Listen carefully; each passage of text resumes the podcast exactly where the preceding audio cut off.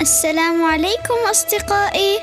سأقرأ لكم اليوم قصة من سلسلة من أقاصيص الطبيعة الصادرة عن دار مدليفانت للنشر والقصة بعنوان سفينة الصحراء. ذات يوم قائد شديد الحر وقف الجمل صابر يلوك بعض النباتات الشائكة التي تحبها الإبل. وفي ظل نخلة برك الجمل العجوز الحكيم أبو أيوب. وراح يتأمل الصحراء الممتدة من حوله بهدوء. وحدها المهرة الفتية الشابة داحس. كانت تشعر بالنشاط والمرح. وكانت فخورة بشريطتيها الحمراوين. وهي تختال لتلفت إليها الأنظار. تبخترت داحس أمام صابر وهي تقول كم تبدو مضحكا وأنت تمضغ هذه الأشواك اليابسة. أما كنت تتمنى لو أن الله خلقك فرسا جميلا مثلي من العاديات ضبحا فالموريات قدحا. بدل أن تكون بعيرا قبيحا شمجا ثم تولت عنه مبتعدة وهي تحرك ذيلها بخيلاء. قال أبو أيوب لا يحزنك قولها يا صابر فهي ما زالت غرة جاهلة. والله لا يحب من كان مختالا فخورا. فأجابه صابر يا ليت لنا مثل ما أوتي الحصان إنه لذو حظ عظيم. ثم نظر إلى نفسه في الماء وقال إن داحسه على حق فيما تقول فأنا قبيح حقا. هذه الحلبة المضحكة على ظهري وهذه السفينات القاسية على ركبتي وهذه القوائم التي لا تساعدني على مسابقة الخيل. أفاق صابر صباح الغد ليجد أصحابه مشغولين بالاستعداد للسفر في الصحراء قاصدين سوقا بعيدة قرب إحدى الواحات. وقال له أبو أيوب اشرب ما تستطيع من الماء يا صابر فالماء الكثير الذي ستعب منه سوف يقيك العطش طوال هذه الرحلة الشاقة.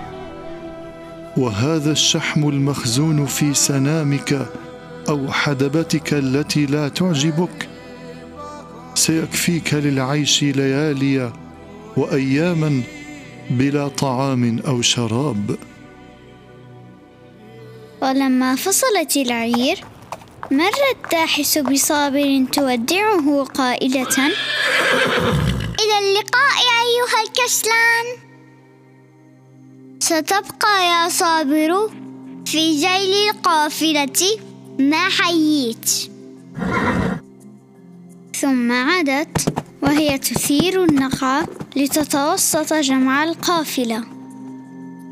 قال أبو أيوب لا تجزع يا صغيري واصبر.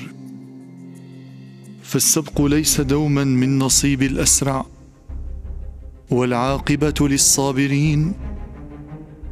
إنه من يتق ويصبر فإن الله لا يضيع أجر المحسنين. ارتفعت الشمس في السماء واشتدت لفحة الرمضاء وأخذ نشاط داحس يفتر وقواها تخور شيئا فشيئا. كان القيظ لاهبا وكانت تشعر بظمأ شديد وأظلمت الدنيا في عينيها.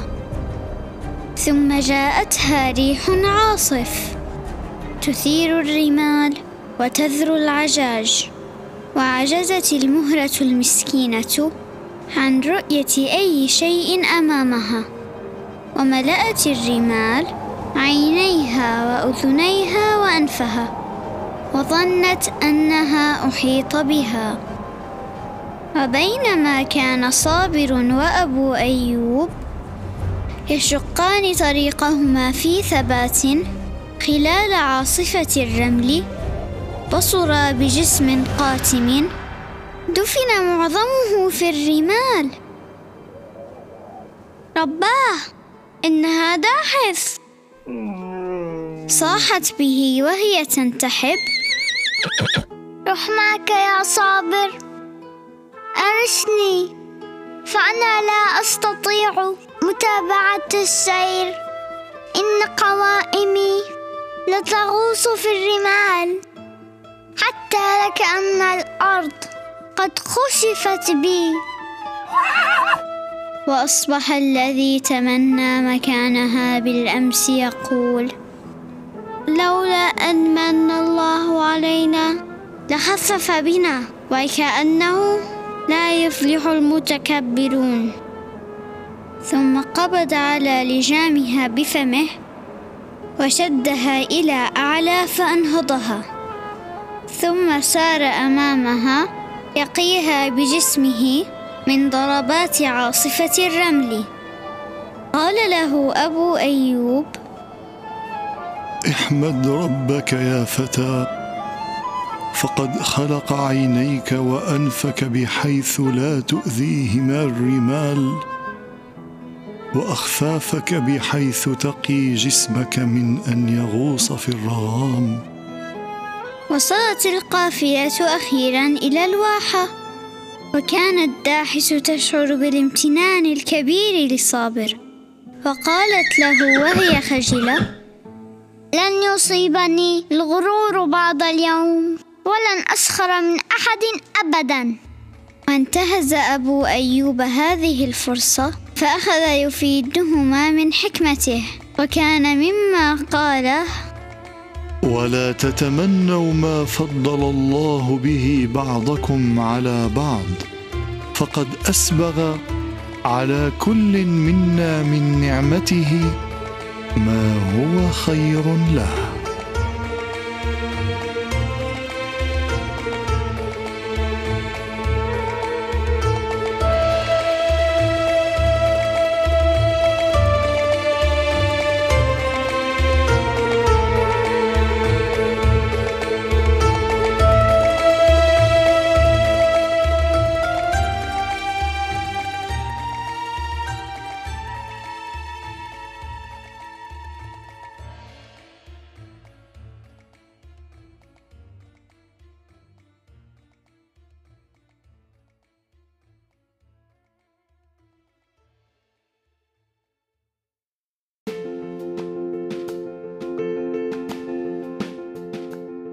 أتشرف بتعليقاتكم وتقييمكم للبودكاست على آبل بودكاست أو منصتكم المفضلة للاستماع.